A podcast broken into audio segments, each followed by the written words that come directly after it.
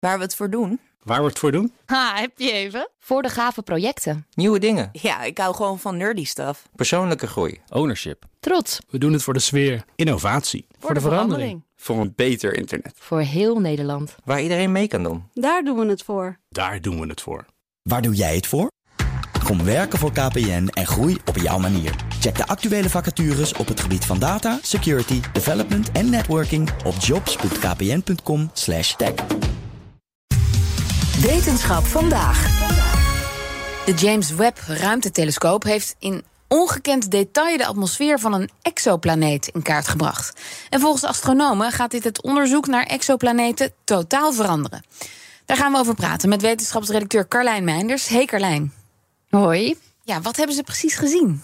Het gaat om uh, onderzoek van een speciaal team van astronomen, vertelt Amy Luca van de Sterrenwacht Leiden. Het onderzoek is gedaan door het IRS-team, Early Release Science Team. Het is een heel groot team, zijn echt sterrenkundigen van over de hele wereld, doen daaraan mee. Uh, sinds vorig jaar ben ik er ook deel van. En toen een paar maanden terug uh, kwam opeens de data binnen. En toen zei mijn supervisor Jamila, lijkt het je leuk om hier modellen aan te doen? Dus, dus ik dacht van, nou super vet. Dit is gewoon een van de eerste planeten die wij zien met JWST. Ja, dan zeg je natuurlijk geen nee.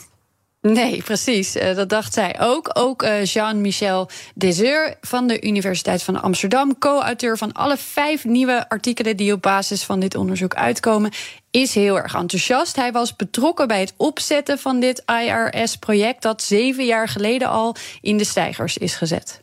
The idea was to provide observation that could be given to the entire community so that they could access the data, learn about how to best use the telescope, and therefore to have very quickly science returns. Ja, een heel groot team dus dat heel snel aan de slag ging. Ja, ja, een gigantisch internationaal team dat meteen zoveel mogelijk uit die eerste data probeert te halen.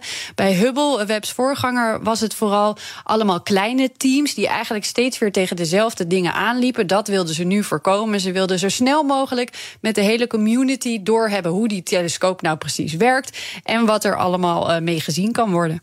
En ze hebben dus onder andere naar deze exoplaneet gekeken. En welke was dat precies? Ze hebben gekeken naar WASP 39b. the exoplanet we looked at is a gas giant planet. It's about the third mass of Jupiter's, but it's 30% larger than Jupiter. So it's much bigger, much puffier than Jupiter. Dus een hele grote gasreus. Ja, ja, uh, op 700 lichtjaar van hier. Nou wisten we al wel wat van deze planeet. Hubble had er al naar gekeken. En er zijn modellen die al van alles zeggen over wat er in de atmosfeer te vinden moet zijn. Maar ze wilden dolgraag ook observaties met web doen. Uh, met infrarood meten, met al die nieuwe instrumenten. Want wat wordt dan onder andere mogelijk? Checken of die modellen eigenlijk wel kloppen. Maar ook checken of web het wel goed doet. En uiteindelijk zegt de samenstelling van die atmosfeer weer van alles over hoe de planeet in elkaar zit hoe die is gevormd. Dat zegt weer iets over hoe planeten dichter bij huis zo zijn geworden als ze zijn. En hoe ziet Webb dan precies wat er in die atmosfeer zit? Daarvoor moet je kijken naar de planeet op het moment dat hij voor zijn ster langs beweegt. Het licht van die ster gaat dan door de atmosfeer, waar alle verschillende moleculen die daar zitten het licht weer net anders absorberen. En daaraan kunnen ze, ik doe hem nu heel kort door de bocht, maar daaraan kunnen ze zien welke moleculen er aanwezig zijn. En wat hebben ze dan nu precies voor bijzonders gevonden? Allereerst liet de data weer zien hoe goed de James Webb-instrumenten het doen. Even though we knew what to expect, we are all amazed by this instrument, by the quality of this instrument, by the capabilities, the sensitivities. It's absolutely remarkable what this instrument can deliver. Daarnaast kwam de data overeen met wat er al in modellen stond. Kun je denken, nou, dat is een beetje saai. Maar heel belangrijk om ook te laten zien: web meet goed. En die modellen die uh, klopte ook nog eens. Maar er werden ook dingen gevonden die juist niet in die modellen stonden. And that is fantastic because it's opening the door to new phenomena, new uh, atmospheric processes that we can discover. Oké, okay, Webb deed het dus heel goed. De modellen klopten, maar wat vonden ze nou precies? Ja, de, uh, de nieuwe dingen die ze zagen, de verhouding tussen stoffen als zuurstof, koolstof en waterstof bleek anders. Uh, dat levert nieuwe inzichten op over hoe die planeet nou echt is ontstaan. En Luca vertelt dat ze onder andere CO2-moleculen en SO2-moleculen, zwaveldioxide, vonden in de atmosfeer. Dat is heel bijzonder, want uh, we hadden niet verwacht om zoveel CO2 te zien ten eerste. En ten tweede, SO2 kan je alleen maar vinden met bepaalde chemische reacties die je normaal gesproken niet verwacht. Het is een teken dat er fotochemie plaatsvindt in die atmosfeer. Een chemische reactie op basis van sterlicht. Onze ozonlaag is daar ook een voorbeeld van. En dat is niet eerder gezien, dat had niemand hier verwacht. Oké. En waarom verandert deze vondst dan nu de manier waarop we in de toekomst naar exoplaneten kunnen kijken? We weten nu, we hebben de instrumenten in de ruimte om processen te zien en begrijpen die we nog nooit eerder hebben kunnen zien.